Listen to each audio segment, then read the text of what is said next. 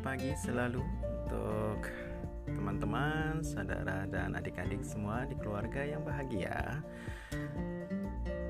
Saya akan membicarakan salah satu kata yang ajaib, yaitu positif.